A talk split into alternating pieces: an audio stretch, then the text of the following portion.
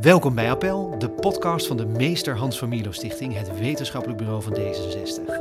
Waarin wij de verdieping opzoeken bij actuele politieke onderwerpen, altijd geïnspireerd door het sociaal-liberale gedachtegoed. Welkom, mijn naam is Daniel Schut en vandaag gaan we het hebben over liberalisme en populisme. Onlangs verscheen in het NRC een artikel van de hand van onze directeur van de Meester Hans van Milo Stichting met de titel Tijd voor een liberalisme dat de aanval kiest. Om het daarover te hebben, bij ons aangeschoven, deze keer in een Zoom-sessie, hebben wij Koen Brummer en we hebben ook daarbij Afke Groen. Zij is wetenschappelijk medewerker van de Meester Hans van Milo Stichting en onlangs in april gepromoveerd bij de Maastricht University over netwerken van politieke partijen in de Europese Unie.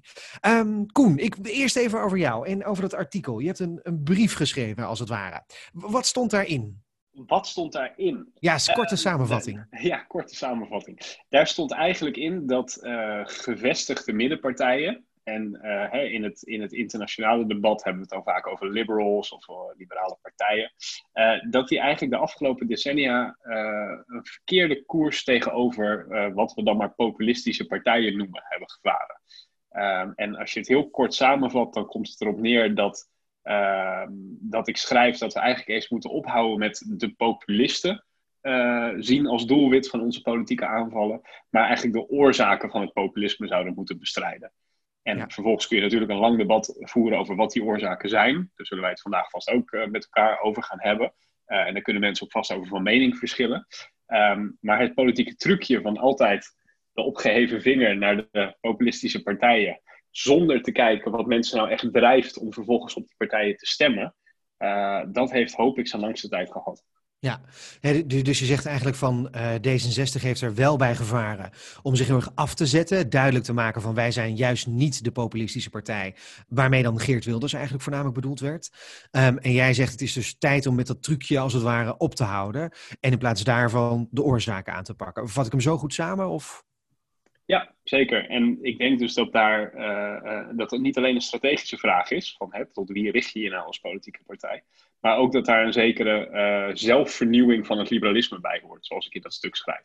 Ja, ja. ik wil het over die zelfvernieuwing wil ik het straks ook nog hebben, maar eerst even naar Afke. Um, als, als politicoloog, hè, je bent expert in dit veld, um, wat is eigenlijk populisme? Ja, daar is heel veel discussie over en en ook wetenschappers en politicologen zijn het daar totaal niet uh, over eens. Maar over het algemeen kun je eh, populisme wel beschouwen als een, uh, als een ideologie, als een politieke ideologie. Die misschien heel dun is, maar wel aan de basis ligt van, van het gedrag van heel veel populistische leiders. Um, het is natuurlijk een beetje gek om dat een politieke ideologie te noemen, omdat um, veel politici definiëren zichzelf ook aan de hand van hun ideologie. Sociaal-liberalen uh, doen dat, of liberalen doen dat, sociaal-democraten doen dat. Maar je hoort eigenlijk weinig mensen zeggen: ik ben populist. Ja. Um, wat is populisme dan? Nou, populisme is vooral een ideologie waarin in onderscheid gemaakt wordt tussen het volk en, en de elite. En dat, dat kan zich op alle allerlei uh, manieren uiten. Uh, maar in Nederland zie je dat het zich uit uh, tegenover representatieve democratie. Uh, Geert Wilders doet dat graag. Die, zegt, die heeft zelfs de Tweede Kamer jaren geleden een nepparlement genoemd. Dus er, er is dus zoiets als de wil van het echte volk en het nepparlement dat bezet is door, door de elite. Um, het uit zich ook aan de hand van bijvoorbeeld als het gaat om de rechtsstaat.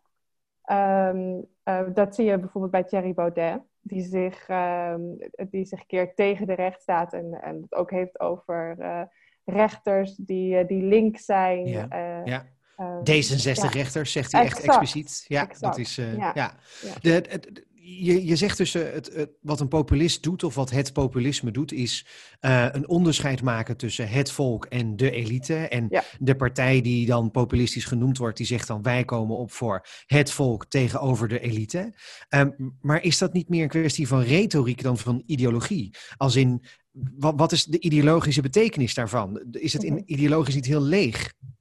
Ja, dat, dat noemde ik ook al even. Het is eigenlijk een hele dunne ideologie die je, die je vrij makkelijk kan, kan gebruiken in combinatie met andere ideologieën. Uh, erg, erg rechts, nationalistisch, kan ook met, met erg links. Dus het is een, het is een hele dunne ideologie. Ik denk wel dat het niet alleen maar gaat over retoriek, omdat populisten echt de hele samenleving door deze bril zien. Ik noemde al de representatieve democratie hoe dat georganiseerd is, de rechtspraak, maar het gaat ook over de media, over universiteiten. Dus, dus vandaar dat je het, wat mij betreft, ook wel echt een ideologie kan noemen, omdat het gaat over hoe je alles ziet als een soort bril dat alles kleurt. Het, een, wereldbeeld dat dus echt ziet, er is een elite die aan de touwtjes trekt en het volk is tot nu toe slaapsvolgeling, totdat de held van het populisme opstaat om het volk te bevrijden. Daar komt het een beetje op neer exact.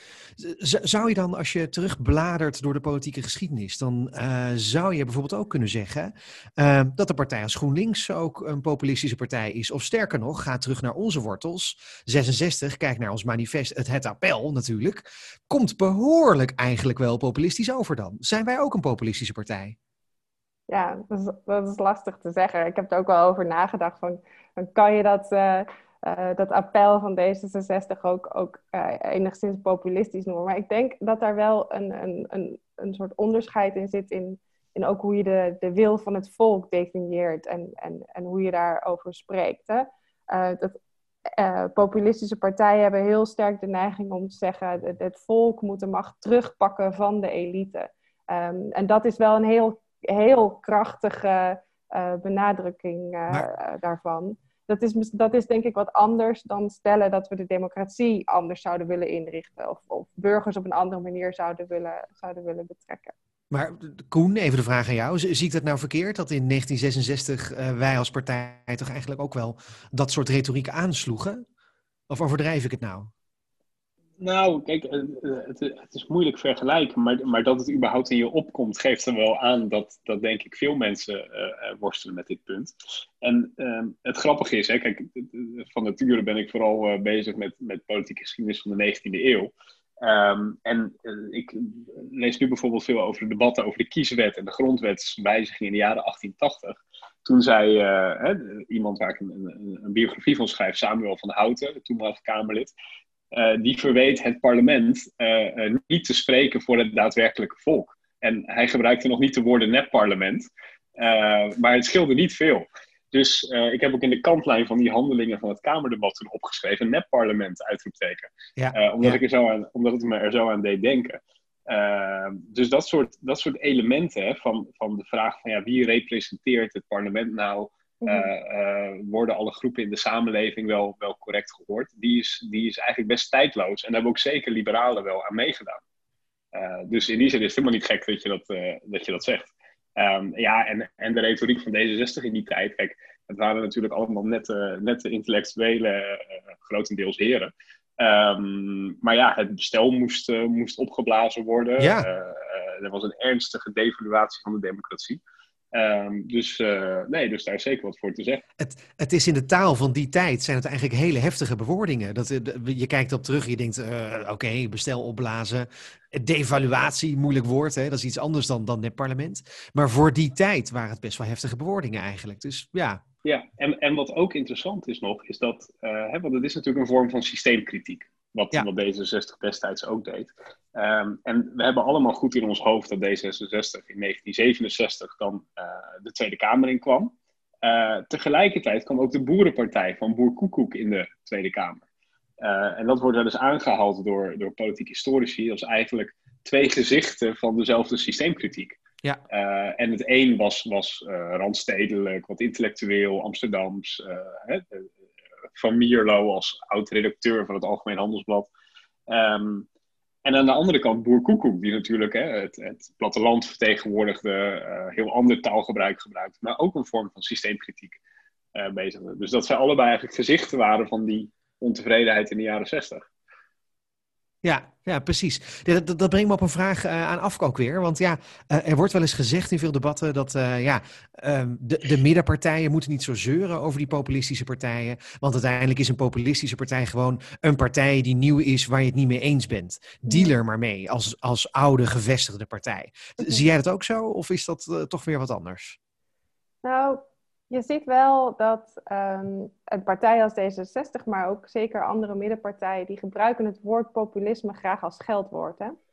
Ja. En ik, ik vind wel dat dat, dat, niet, uh, dat dat niet per se al altijd opgaat. Want hè, waar we het net al een beetje over hadden, en dat is ook wat ik um, de, de, de, nu rector van de Central European University, Michael uh, Ignatieff, daarover hoorde zeggen, is dat um, populistische partijen eigenlijk um, uh, inherent betwistbare elementen van de democratie ter discussie stellen. Um, hè, dat is hè, de representatieve democratie, hoe vertegenwoordig je mensen. Dat is, dus dat, dat is niet zozeer uh, heel erg gevaarlijk. Dus in, in die zin zou ik zeggen, uh, deal ermee en zie het ook als kans om die dingen daar opnieuw over te praten en om de democratie continu te vernieuwen. Waar het natuurlijk wel gevaarlijk wordt, is uh, wat je ziet, in, ziet gebeuren in Hongarije en, en Polen, waar populistische, rechtspopulistische partijen um, gebruik maken van de, de democratische meerderheid, het hebben van de democratische meerderheid, om het hele systeem te slopen uh, van binnenuit, de vrije pers, uh, de universiteiten. Um, en daar wordt het natuurlijk wel gevaarlijk. En dan wordt populisme dus eigenlijk meer een soort uh, hang naar autocratie eigenlijk. Het is een hang naar autoritair leiderschap. Ja, precies. Ja, is dat ook de gangbare definitie in de, in de politicologie? Of is dat... Uh, nee, nee, nee, nee, nee, niet zozeer. Nee, het populisme ja. hoeft niet altijd uh, ja, de, de, de, versie te zijn zoals, zoals in Hongarije ja. en, en Polen. Ja, als we, welke versies zijn er dan verder nog? Als je zegt, het zijn ook andere versies wel ter beschikking dan, dan de autoritaire versie.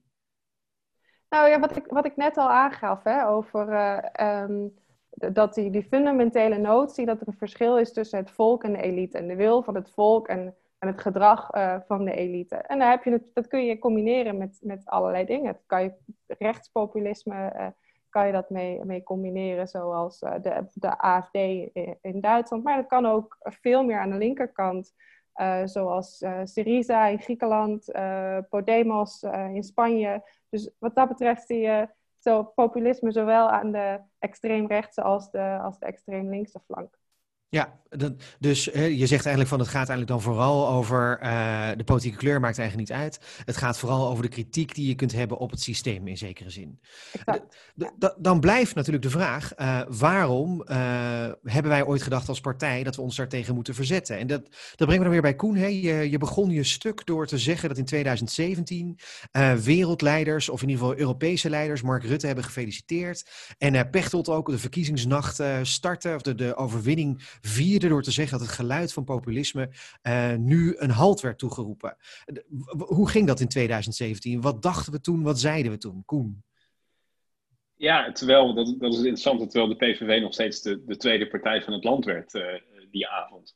Maar wat je in aanloop naar die verkiezingen zag, hè, dat was dat Mark Rutte zich keerde tegen het verkeerde populisme dat niet mocht winnen, in zijn woorden. Um, en dat het in de aanloop naar die verkiezingen was het een poos best spannend. Hè? Was de vraag hoe groot gaat Geert Wilders worden?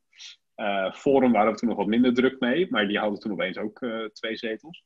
Um, en je zag in heel Europa eigenlijk een soort opluchting. Hè? Volgens mij was de, de, de chief of staff van, van Merkel, die tweette ook iets destijds van uh, uh, Viva Hollandia of Nederland is wereldkampioen, een soort voetbalmetafoor. Uh, dus er was heel veel Altijd zuur van Duitsers als dat gebeurt. Ja, ja, is, ja, absoluut.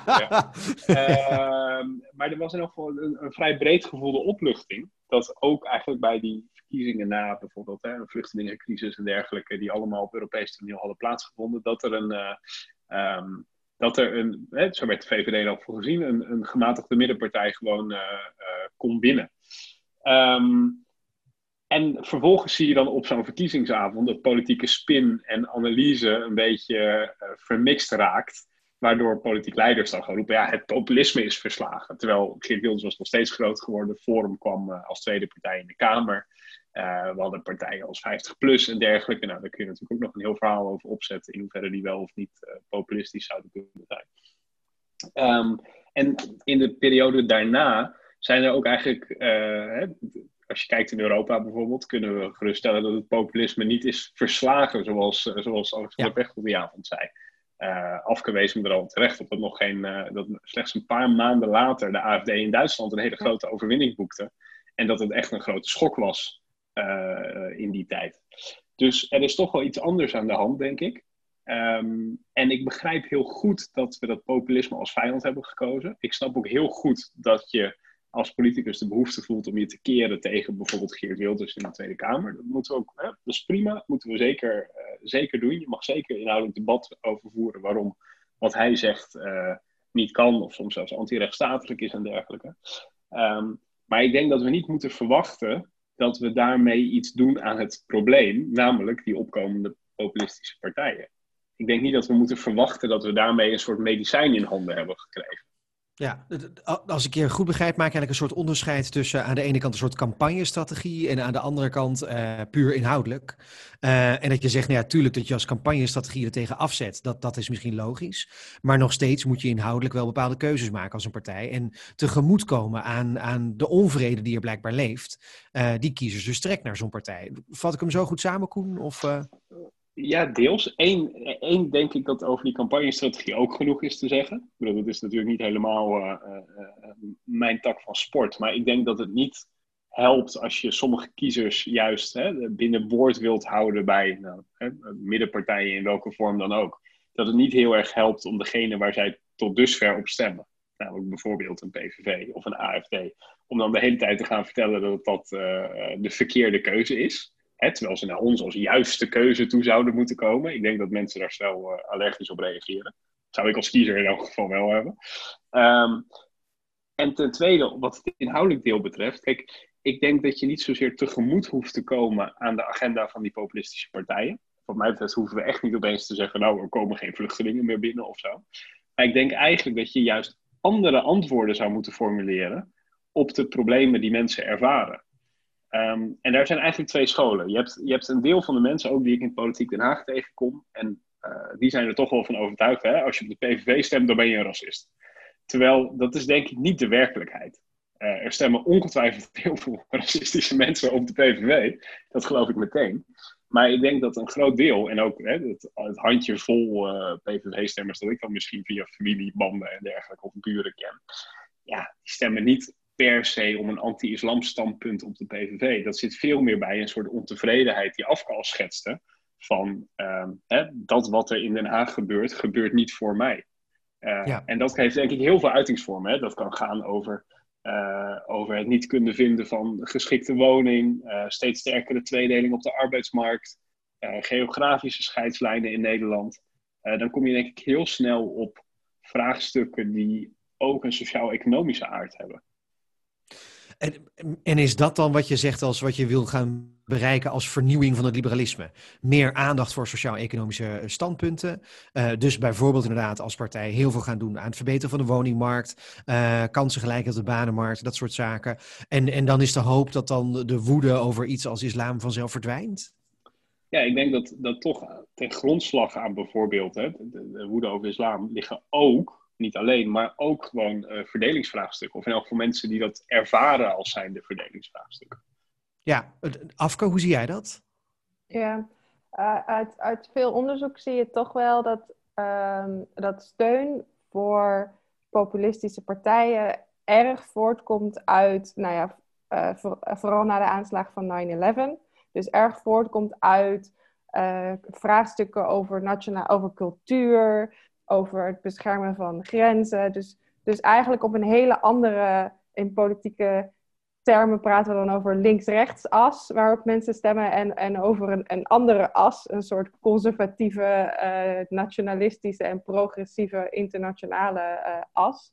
Um, en je ziet dat, dat steun voor populistische partijen toch wel erg voortkomt op, op die as en over discussies uh, over migratie, islam, cultuur. Maar, maar als je dit zegt dan, dan betekent dat eigenlijk dat uh, wat Koen zegt misschien toch weer niet helemaal de meest eerlijke oplossing is. Want dit betekent eigenlijk dat wat iemand vindt, een kiezer vindt op het gebied van de as conservatief-progressief, onafhankelijk kan zijn van de as links-rechts. En met andere woorden, om het, om het heel simpel plat te slaan, als nieuwe liberale partij kom je er niet mee weg om te zeggen, um, hou eens op met die onvrede, want we hebben hier wel huizen voor je en opleiding voor je en banen voor je. Dus doe even niet meer zo moeilijk over vluchtelingen, moslims allochtonen en wat dan ook maar. Mhm. um, dat, dat voelt dan misschien een beetje disingenuous. Afke, zie ik het zo goed of is dat... Uh... Nou, dat hebben heel veel liberale partijen hebben, hebben lang gedacht, of, of denken nog steeds, dat als jij dan maar de oplossing hebt voor migratie, dat je de mensen wel weer terugkrijgt in je kamp. Hè? Uh, dat, dat is ook een, een, een tactiek. Ik beweeg wel een beetje mee uh, op, dat, op dat vlak van migratie. Maar dat werkt juist averechts. Um, dat werkt eigenlijk nog meer steun voor populistische partijen in de Wacht even, hoe, hoe zit dat? Dan zeg je dus als partij, we horen je bezwaar, we, horen je, we horen je verhaal, dus we gaan er een klein beetje in mee. Uh, maar we hebben ook onze eigen standpunten, daar blijven we ook aan trouw, dus we kunnen niet helemaal... Waarom zegt een kiezer dan, nee, dat geloven we niet? Hoe, hoe zit dat? Nou, dat heeft te maken met uh, hoe belangrijk onderwerpen zijn in de publieke discussie. Dus als jij meegaat op het verhaal uh, van migratie, dan, dan krijgt dat verhaal nog meer aandacht in de publieke discussie, in het publieke debat. Um, en dan stemmen mensen stemmen op, de, op partijen die ze dan als competent zien in die discussie. En wie zien ze als competent? Populistische partijen. Want dat is hun uh, volk tegen de, uh, tegen de elite, dat is, dat is hun selling point. Um, dus daar, daar heeft dat mee te maken, dat het dan eigenlijk leidt tot nog meer stemmen voor populistische partijen. Oké, dus, maar dan heb je dus een strategische reden om wel de discussie dan vooral te blijven voeren over socio-economische onderwerpen. Maar, maar, maar dan blijft de vraag aan Koen. Uh, er gaat een kiezer toch doorheen prikken als we zeggen: hier heb je de woningmarkt, hier heb je onderwijs, hier heb je banen. We doen maar alles om er maar voor te zorgen dat je het dan niet meer druk gaat maken over migratie. En uh, daar gaan we dan ook niet aan tegemoet komen. Ja, dat, dat, was mooi geweest als het zo zou werken. Maar daarmee ga je denk ik ook dan voorbij aan wat het doel is. Want het, het doel van het politieke bedrijf of, of, of, liberale partij is natuurlijk niet migratie gaande kunnen houden. Ja, want dat, dat, impliceer, dat, impliceer, je daar een klein beetje mee. En kijk, ik, ik, denk dat het heel erg klopt wat Afke zegt over die, over die conservatief-progressieve as die je ziet opsteken. Ik, um, ik denk alleen als je. Uh, laat ik eens een heel simpel voorbeeld nemen. Hè. We kennen misschien allemaal nog wel dat, dat hele grappige filmpje, ik weet niet eens meer van welk tv-programma, van een mevrouw die, die uh, zo'n foxpop op straat. En dan zegt een mevrouw heel boos, uh, uh, ja, ze krijgen alles gratis, woningen, werk en mijn, mijn zoon kan geen huis krijgen. En dan vraagt de verslaggever, goh, hoe komt u erbij dat vluchtelingen alles gratis krijgen? En dan zegt die mevrouw, dat stond op Facebook. Ja. Um, ja. Nou, dat ging natuurlijk in heel veel appgroepen rond en zo. Dat was heel grappig. Maar um, er zit denk ik wel een kern van waarheid in. En ik denk dat het een ingewikkelde mix is waarom mensen uiteindelijk besluiten te stemmen op, op populistische partijen. Maar um, als we die partijen zien als anti-establishment, dan moet je je ook de vraag stellen: is er ook niet heel veel establishment om vrij anti over te zijn? Um, en ik denk dus dat het antwoord daarop ja is. Als je kijkt naar, hè, dat schreef ik in maart in een, in een, in een eerder stuk, hè, ik denk dat wij liberalen wat hebben goed te maken. Uh, en dan kom je op een hele serie dingen die ik, uh, die ik al noemde. Dat gaat om democratie, het gaat om woningmarkt, om arbeidsmarkt, eigenlijk uh, scheidslijnen door de samenleving die op veel fronten lopen. Um, en ik denk dus ook echt dat, dat als je al zou willen voorkomen dat, uh, dat kiezers massaal populistische partijen stemmen, of hè, toch een kleine 20% op dit moment weer in de peilingen, uh, dan zul je iets aan die zelfvernieuwing moeten doen. Ja, ja, eh, dat komt ook heel duidelijk naar voren uit je opiniestukken. Je geeft heel duidelijk weer van, ja, dus het liberalisme als, als stroming, waarvan natuurlijk in Nederland meerdere partijen zijn die zich daar, daarbij aanhaken. Eh, dat liberalisme heeft echt wel een beetje op zijn handen gezeten. Heeft niet opnieuw kunnen uitleggen waarom het nou zo bijzonder was. Dus vertel eens, hoe, hoe hebben we dat gedaan? Wat, wat zijn we vergeten uit te leggen in de afgelopen tijd? Ja, ik, ik, beschrijf eigenlijk twee dingen. En, en daarbij is het ook belangrijk dat, dat, het, uh, dat je onthoudt dat, dat CDA en PvdA hebben hier natuurlijk ook wel in zekere zin uh, aan bijgedragen. Maar de ene ontwikkeling is dat we eigenlijk uh, die verzorgingsstaat, of eigenlijk de, positie van lagere en middenklasse, steeds meer uit het oog zijn verloren. Eén voorbeeld daarvan is dat uh, notabene een grote bank cijferde dat de besteedbare inkomens van lagere en middenklasses dat die al uh, drie decennia niet, uh, er niet op vooruit zijn gegaan. Uh, terwijl welvaart in de samenleving als geheel, hè, als je kijkt naar iets van bedrijven en dergelijke, is er natuurlijk enorme economische groei geweest. Um, dat is één. En ten tweede heeft de politiek volgens mij steeds meer dingen afgescheiden. en daarmee bedoel ik eigenlijk dat politici zelf van steeds meer dingen hebben gezegd: ja, hier gaan wij niet over.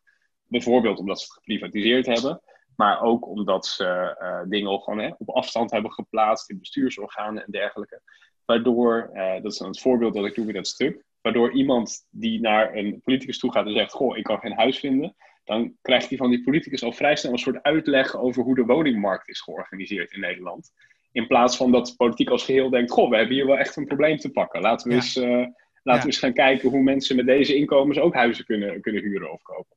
Ja, ja. Het, het, je wijst daar heel erg op een soort technocratische benadering van politieke problemen. Het is heel erg, zo zit het in elkaar, dit is hoe het precies werkt. En ja, jij hebt nu gewoon even pech eigenlijk. aan. Ja, het, het, is een beetje, het is een beetje die, die Tina-politiek van there is no alternative. Ja, uh, ja en, en, dat is het leuke volgens mij aan democratie en, aan kiezers die zelf wat nadenken. Ja, dan gaan ze op zoek naar uh, wel een alternatief.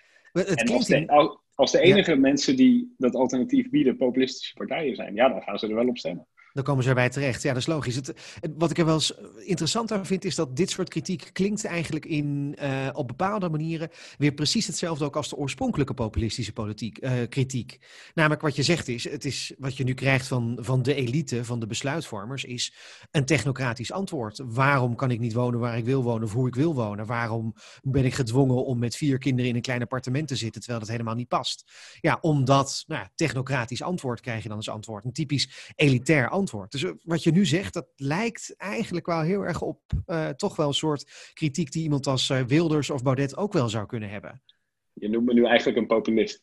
Ja, ik wou, ik wou het niet hardop zeggen, maar ja, misschien nee, toch wel kijk, inderdaad. Ik, ja. ik, ik, ik, denk, maar dat is misschien meer, meer het onderzoeksgebied van Afkoor. Maar kijk, ik denk dat het verschil is. Volgens mij is er heel veel systeemkritiek mogelijk in Nederland. Uh, ik denk alleen dat, dat vaak populisten of, of, of mensen die geen echt zo'n populist zijn, die zien er nog een soort van complot in.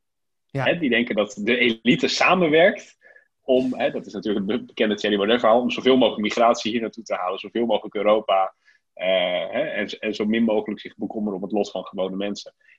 Dat denk ik totaal niet. Hè? Ja. Ik denk eerder dat het een soort tendensen zijn die je in heel veel Europese landen ziet. Um, maar die natuurlijk op geen enkele manier een soort doelbewust opgezet plan zijn of iets dergelijks. Ja. Ik denk ja. gewoon dat het ontwikkelingen ja. zijn die je nou eenmaal hebt in de politiek. Ja, dat is misschien wel een goede vraag ook aan Afke sowieso. Is, is dat niet een aanvullend kenmerk van populisme? Het geloof in complotachtige theorieën, zoals dus blijkbaar de helft van Forum gelooft in dat plankallergie.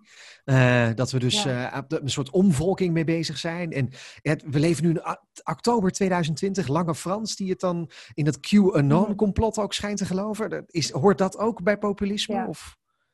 Nou, dat, is natuurlijk ook wel een, uh, een kenmerk van, van deze tijd, hè? Van, de, uh, van de platformen. Van uh, Arjen Lubach maakte daar ontzettend ja. goede, ja, goed filmpje over. Over hoe dat in elkaar zit met algoritmes die je in de, in de konijnenhol zuigt. en die je daardoor in een complottheorie kan ja. zuigen. Maar dat is, wel, dat is wel echt iets van de afgelopen, van de afgelopen tijd. En, Um, en misschien, ik, ik zou dat niet zozeer onder een definitie van, uh, van populisme uh, scharen. Wat ik, wat ik echt belangrijk vind om te benadrukken, is, en waar ik ook eigenlijk wel tegen wil waarschuwen, is dat je ga niet al te veel mee in dat idee dat er daadwerkelijk een elite is die zou zijn losgezongen van het volk. Hè? Want dat hoor ik nu ook al een klein beetje. Als we, als we Koen zouden gaan beschuldigen van, van, van populisme, dan, dan, um, ja, ga, ga, daar niet zo, ga daar niet zo in, in mee.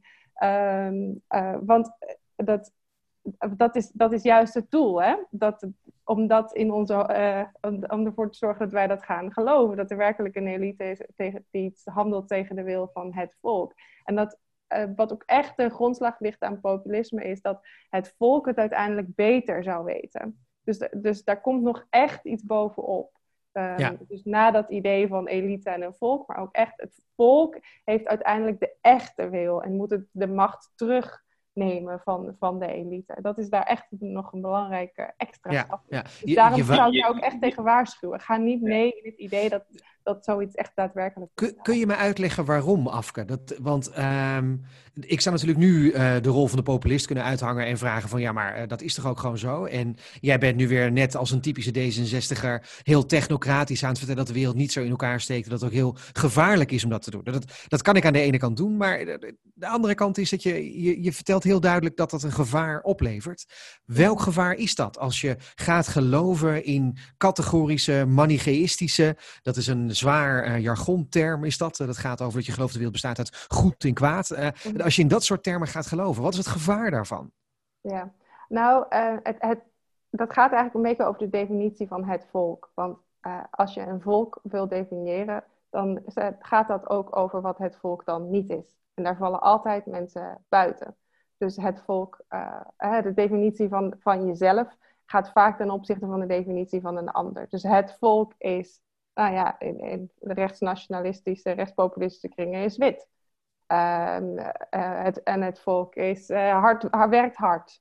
Um, dus iedereen die een die misschien een uitkering krijgt, wordt daar niet bij. Of, of iedereen met een andere huidskleur dan wit wordt daar niet bij. Dus, dus daar, zit, daar zit echt, het, echt wel het gevaar. En, en, en dat gevaar dat uitzicht is op heel veel plekken. Dat, dat is dus aan de ene kant een trotsbeeld eh, opleveren van jezelf als eh, representant van het volk. Mhm. Dus dan zeg je het volk, de Nederlander, is trots op de Gouden Eeuw, eet elke avond aardappelvlees, groente. Natuurlijk heel veel vlees, want dat mhm. hoort erbij. Maar dan de vijand, dat zijn dan nou ja, D66'ers en die eten couscous.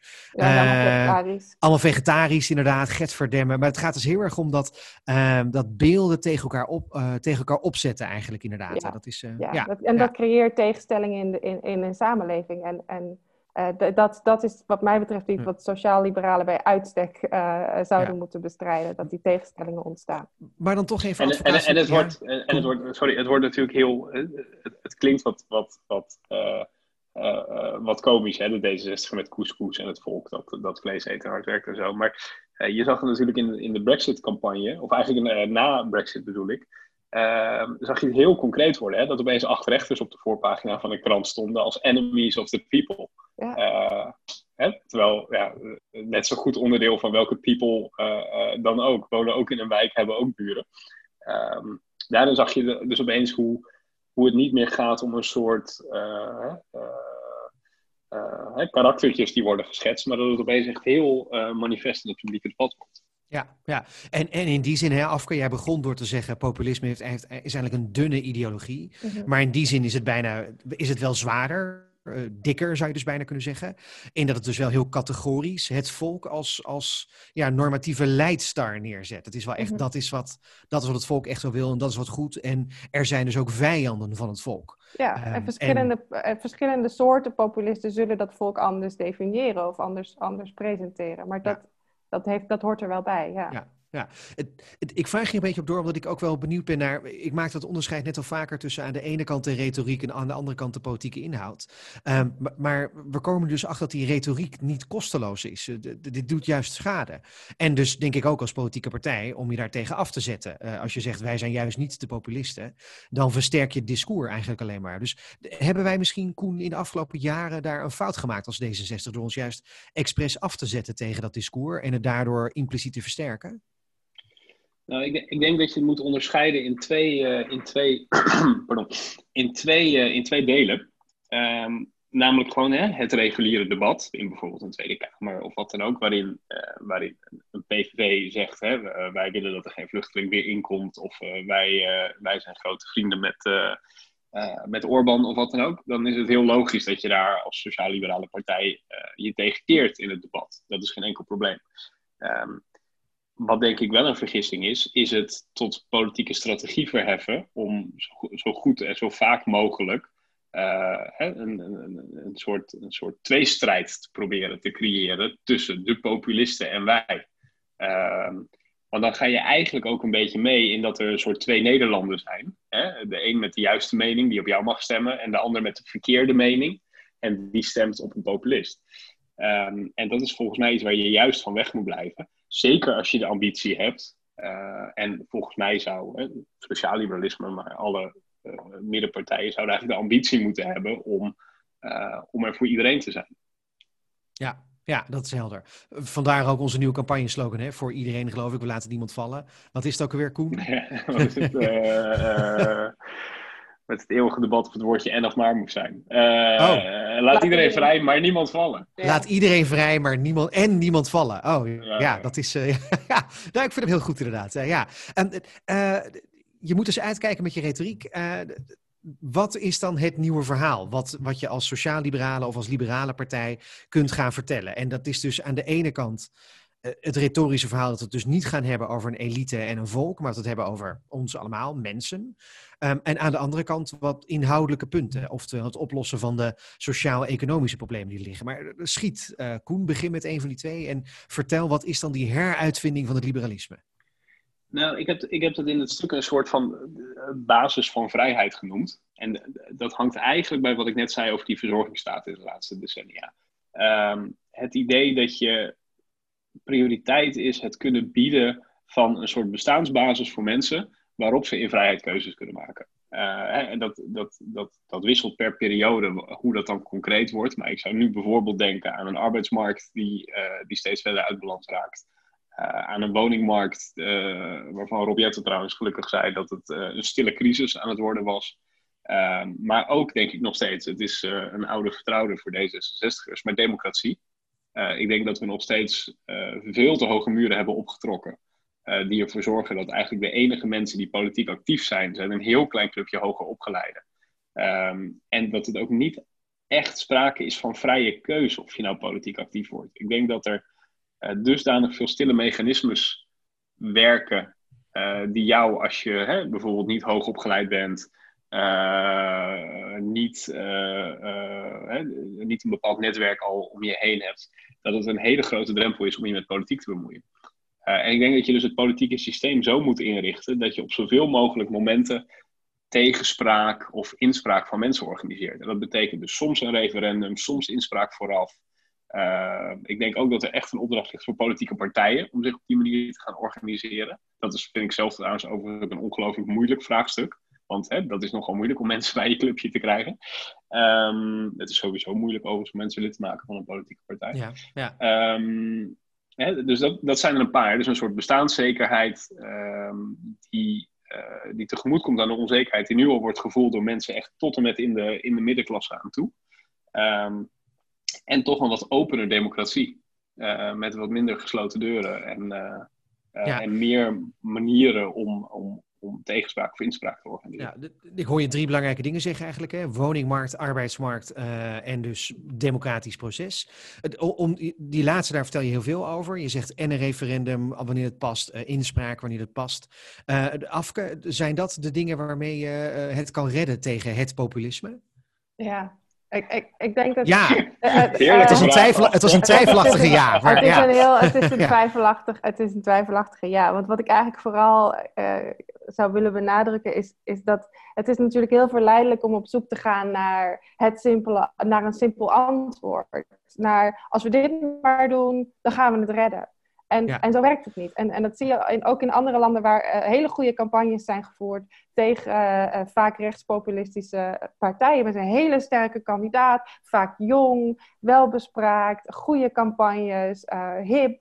Maar, maar alleen daarmee kom je er niet. Je hebt, je hebt ja. sterke ideeën nodig op heel veel verschillende fronten. En een aantal fronten uh, heeft uh, Koen daar zeker uh, uitgehaald. Maar het, het, is, het is niet alsof maar, we... Even... Nee, het, het, is ook, het, is heel goed dat Afke dat, dat terecht zegt hoor. Want je vroeg aan mij wat punten en je vroeg aan Afke, gaat dat werken? Ja, als je het mij had gevraagd, had ik ook gezegd, ja, geen idee. Ja, ja. dat, dat, dat, dat, is het vervelende hieraan. Ik, ja. Iemand vroeg, vroeg me naar aanleiding van het artikel van, van wat, wat zou je nou eigenlijk moeten doen? En toen zei ik tegen diegene, je zou eigenlijk eens gewoon twee volledige kabinetsperiodes de tijd moeten hebben om, om dit soort dingen aan te pakken. Hè? Ik bedoel, af kan ik brengen in januari een boek uit over waarom het weer tijd is voor een nieuw kabinet van sociale rechtvaardigheid.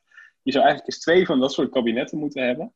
Die dan kijken naar economisch perspectief in, uh, in alle regio's van Nederland, allemaal dat soort zaken. Um, en, en dan moet je eens kijken waar je staat. Hè? Ja. Het is natuurlijk niet zo dat als D66 of welke partij dan ook morgen een, een wet op de arbeidsmarkt indient, dat dan opeens allemaal PVV-stemmers zeggen: Oh ja, nu stem ik geen PVV meer. Ja. Um, dat is een totale illusie. Daarom moet je dit echt over langere tijd zien, ja. denk ik. Ja, ja. Het onderliggend. Ik wil eigenlijk even de eerste historische parallel horen. Want je zegt twee kabinetten van sociale rechtvaardigheid. Dat is niet, eer, dat is niet de eerste keer dat we het zouden hebben, toch, Koen? Nee, oh nee, dat, dat is een dat, beetje... Niet iedereen dat, weet de geschiedenis, denk ik. Dus uh, Koen, is een, wat... beetje, een beetje een, een familiestichting hobby aan het worden. Dat, uh, ja. dat je uh, rond 1900 had je een kabinet der sociale rechtvaardigheid. Ja.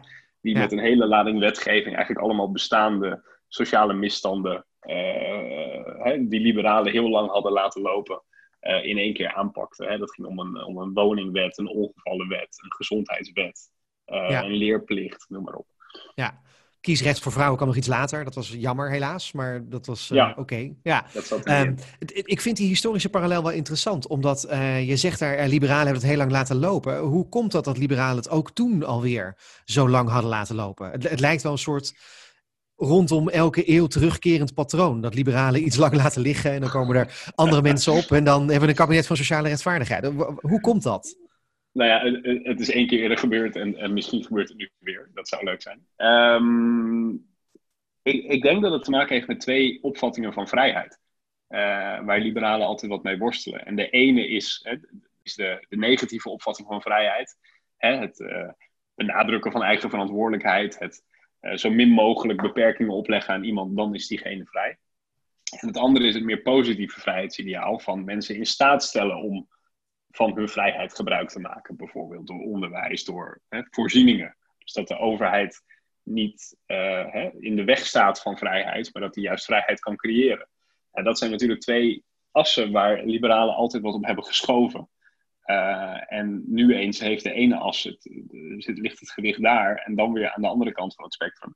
Eh, en ik denk dat dat er veel mee te maken heeft. Dat er natuurlijk altijd een soort stille hoop is onder liberalen van alle soorten en maten. eh, Dat het vanzelf goed komt. Alleen, en dat is een deel van de tijd zal dat vast zo zijn. Maar ik denk dat je bijvoorbeeld nu ziet dat de ontwikkelingen in de wereld, hè, of het nou gaat om enorme techmonopolies, globalisering, uh, de enorme gevolgen van digitalisering op de arbeidsmarkt, verzin het allemaal maar. Die zijn, dat zijn eigenlijk wat te grote bewegingen om te zeggen, nou, wij geloven het wel met die eigen kracht van mensen, dat komt wel goed. Um, en ik denk dat we nu typisch weer in zo'n tijd zitten waarin dat geldt. En dan moet je eigenlijk uh, extra gas geven als overheid. Als je wil dat mensen daadwerkelijk in vrijheid uh, ja. hun leven kunnen inrichten. Ja, in Nederland was dat dan het, kabinet der sociale rechtvaardigheid. In Engeland had je New Liberalism. Ongeveer rond dezelfde tijd inderdaad. Dus eigenlijk pleit jij dus voor een nieuw New Liberalism. Daar komt het eigenlijk op neer. Ja, ja. Ja, ja. Het, het afke, de vrijheid en is het, is het creëren van vrijheid, is dat dan... Ja, ik wil het niet nog een keer aan je vragen, maar oh ook omdat de vraag heel geladen is. Maar oh het, het is heerlijk, Afke krijgt is, zeg maar steeds... Is het creëren van die, ja, precies. Is het, is het creëren van die positieve vrijheid dan hetgene waarmee je het wel mee wint tegen de populisten? Ja, ik moet het gewoon niet stellen, die vraag, maar ik doe het toch. Ja, nou, uh, dit was een minder twijfelachtige ja. Dan, okay, dan, ja. dan, ja, heel dan goed. daarnet. um, want ik denk dat het, dat het heel veel, eh, eh, als je teruggaat naar wat je als sociaal-liberaal zou willen, dat dat heel veel te maken heeft met die positieve vrijheid. En, en, en, en Koen houdt niet zo heel erg van dat woord, maar ook van inclusiviteit. Hè? Ja. um, het meenemen van, van, heel, van verschillende, allerlei verschillende mensen in de samenleving die, uh, die al een poosje 1-0 of 2-0 of zelfs 3-0 uh, achter staan. En dan, dan gaat het ook over, dat gaat over de positie van mensen met wat dat migratieachtergrond heet. Het gaat over de positie van, van lager, mensen met een lagere opleiding. Het gaat ook over de positie van vrouwen. Um, dus, dus ik denk dat het echt tijd is om, om, om het weer over die positieve vrijheid te hebben. Dat mensen de kans krijgen om of in ieder geval het gevoel krijgen dat ze met hun leven uh, uh, kunnen doen of vorm kunnen geven zoals, zoals ze dat wensen te doen. Ja. Ja, ook, ook in de politieke filosofie wordt natuurlijk heel veel over geschreven. Hè? Dat is, je haalde net dat uh, als mensen drie keer achter staan, was een artikel in de Volkskrant. Hè? Dat als je uit een arme regio komt of een plattelandsregio, als je dan vrouw bent en ook nog allochtonen geloof ik, welke drie waren ja, het ook alweer, ja. dat je dan echt heel erg veel pech hebt. Ja. En dat het gewoon pech is waar je niks aan kan doen. Dat is natuurlijk totaal oneerlijk. Dus ja, daaraan werken. En, en het boek van Kees Fuik was er laatst, Oude en Nieuwe Ongelijkheid. Maar daarvoor had je bijvoorbeeld al uh, Amartya Sen onder andere, over Development as Freedom. Dat, dat zijn, zijn dat dan de hoeken waar het in moeten zoeken, Afke? Is, is dat de, de, de nieuwe vrijheid, zeg maar? Ja, ik, ik denk dat dat uh, in ieder geval een, een hele belangrijke uh, hoek is om, om dat in te zoeken. En, en natuurlijk waar Koen het al even over had. Uh, want een andere parallel tussen nu en, en rond, de, rond de vorige eeuwwisseling is natuurlijk die hele grote veranderingen in de wereld. dat, dat speelde toen, een hele grote economische verandering, maar dat speelt nu ook. En daar heb je toch ook niet alleen maar vrijheid, maar ook bescherming bij nodig. Mm. En, en heel veel mensen hebben dat uh, willen graag dat gevoel van bescherming. Ik denk dat we dat allemaal, allemaal nodig hebben. En ook onze democratie, onze, onze economie heeft ook bescherming nodig tegen ongebreideld globalisering. Ehm, dus, dus daar zit, daar zit uh, ook wel een, een deel Ja. van in. Dan dan heb je dus niet meer om, eh, heb je dus echt inderdaad niet meer over vrijheid om te, maar Mhm. vrijheid van, eigenlijk in zekere zin. Dat is, Mhm. eh, ja. Ko- Koen, li- ligt daar het antwoord dan in, in die kansengelijkheid? Vrijheid als kansengelijkheid? Nou, ik, ik denk in elk geval, eh, en, eh, en dit is nu iets wat, wat natuurlijk de laatste 15 minuten de hele tijd een beetje boven hangt, hè, van, je, van je weet het niet. Je weet Ja. niet zeker. Hè? Het is niet een soort natuurkundig project waar je op basis van een bepaalde formule zeker weet dat op een gegeven moment het goed komt. Ja. Ehm, maar ik denk wel dat dit in elk geval heel erg past bij een soort agenda die vooruitstrevende liberalen altijd hebben gehad. Eh, die we denk ik ook te weinig nadruk hebben gegeven de afgelopen decennia. Hè, te weinig in ere hebben gehouden. Ehm, en wat dus sowieso goed zou zijn om na te streven. En als je dan naar twee kabinetten nog steeds ziet dat 20% van de stemmen naar populisten gaan, ja, dan, dan is dat vervelend. Eh. Misschien was, het anders alleen nog maar gegroeid, je weet het niet. Ehm, eh, dus dat is lastig. Maar dit lijkt me ook gewoon nog los van, van, van het consequentialistische aspect. Hè, van hè, wat gebeurt er nou als we A of B doen? Eh, denk ik ook dat het sowieso gewoon een, een, een, een te houding is in deze tijd. Ja, waarom dan te rechtvaardigen? Nou, omdat, ik, hè, dat, dat is misschien voor iedereen anders, maar ik zie ook daadwerkelijk die onrechtvaardigheid. Eh, onrechtvaardige uitkomsten waarvan, waarvan nou, jij net al wat schetste, schetste op basis van dat Volkskrant-artikel. Afke noemde er al wat. Eh, er is echt een stroom aan onderzoeken recent verschenen, hè, van, van WER tot eh, SCP, over die scheidslijnen die toenemen. Een deel daarvan stamt nog van voor de coronapandemie, die die scheidslijnen eigenlijk alleen maar versterkt. Ehm, dus ik denk dat het, hè, nog, nog los van het effect, is het, is, het, is het goed om daar tegen te strijden, zou ik zeggen. Ja, ja. Ik denk ook wat, eh, wat onder andere het Volkskrant-artikel duidelijk maakt, maar ook dat, het boek van Kees Fuik, ik had het al eerder aangehaald, is dat het, het gaat inderdaad om kansenongelijkheid die heel erg ook, ehm, als het ware, in de maatschappij versclerotiseerd is. Hè. Het zit heel erg vast, als het ware. Mhm. Dus in, in die zin is het precies het soort ongelijkheid waar je zelfs, nou ja, dan kun je wel heel ver teruggaan, eh, ongeveer 250 jaar geleden bij de Franse verlichting, de Franse revolutie, waar mensen tegen in opstand kwamen. Dat mensen in structuren zaten vastgebakken waar ze niet meer uit zouden komen. Dus juist een gebrek aan sociale mobiliteit, juist een gebrek aan dat je zelf kansen kunt maken. Dat- is hetgene waar, denk ik, eh, ja, waar jullie nu een beetje op wijzen, de kant die jullie opgaan. Ja, dat is natuurlijk ook Ja. een heel erg een heel eh, liberaal beginsel. Hè? Het, het gaat niet per se om economische gelijkheid of, iets- of iets dergelijks. Het gaat veel meer om eh, de mate waarin je in staat bent je leven in eigen hand te nemen. Ja. En Ja. daar is natuurlijk een zekere mate van, van sociaal-economische basis voor nodig. Ja, ja. Het, ik, grijp expres even terug op eh, de verlichting. Ik verwijs daar expres naar. En ook wat je nu zegt is daar interessant in. Ehm, omdat een van de geestelijk vaders van eh, Thierry Baudet, eh, Andreas Kinneging, een heel boek heeft geschreven. En ook een artikel in De Groene erover. Die zei, we moeten eigenlijk terug naar de tijd daarvoor, naar de renaissance. eh, of liever eigenlijk nog wat verder terug. En juist al die verlichtingswaarden, ehm, hè, wat jij dan zegt over het idee dat je als individu je lot in je eigen handen kunt nemen. Dat idee, daar wil hij vanaf. Hij gelooft echt in een wereld waarin mensen een lot hebben en daarin eh, moeten ze zich maar zien te schikken. Maar jij zegt dus, we moeten weer terug naar het grijpen van controle als individu. Koen. Ja, kijk, het, het, het, eh, het, het, het fijne aan het standbeeld van Andreas Kinneging is natuurlijk dat dat een heel prettig standpunt is als je eh, een, een, een, een witte man uit de bovenklasse bent. Ja. Want die tijd voor de verlichting was echt een stuk minder prettig voor vrouwen, voor homoseksuelen, voor boeren, voor eh, eigenlijk voor bijna iedereen, behalve een stel aristocraten. Ehm, dus met alle respect voor Kinneging, ja, het is, het is wat gratuit natuurlijk. Ja, ja.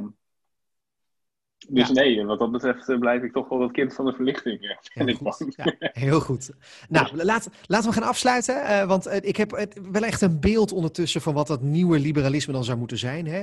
Dat betekent dus echt gewoon problemen oplossen. Niet meer uitleggen. Niet meer zeggen technocratische oplossing dit. Maar gewoon duidelijk ongelijkheid proberen weg te nemen.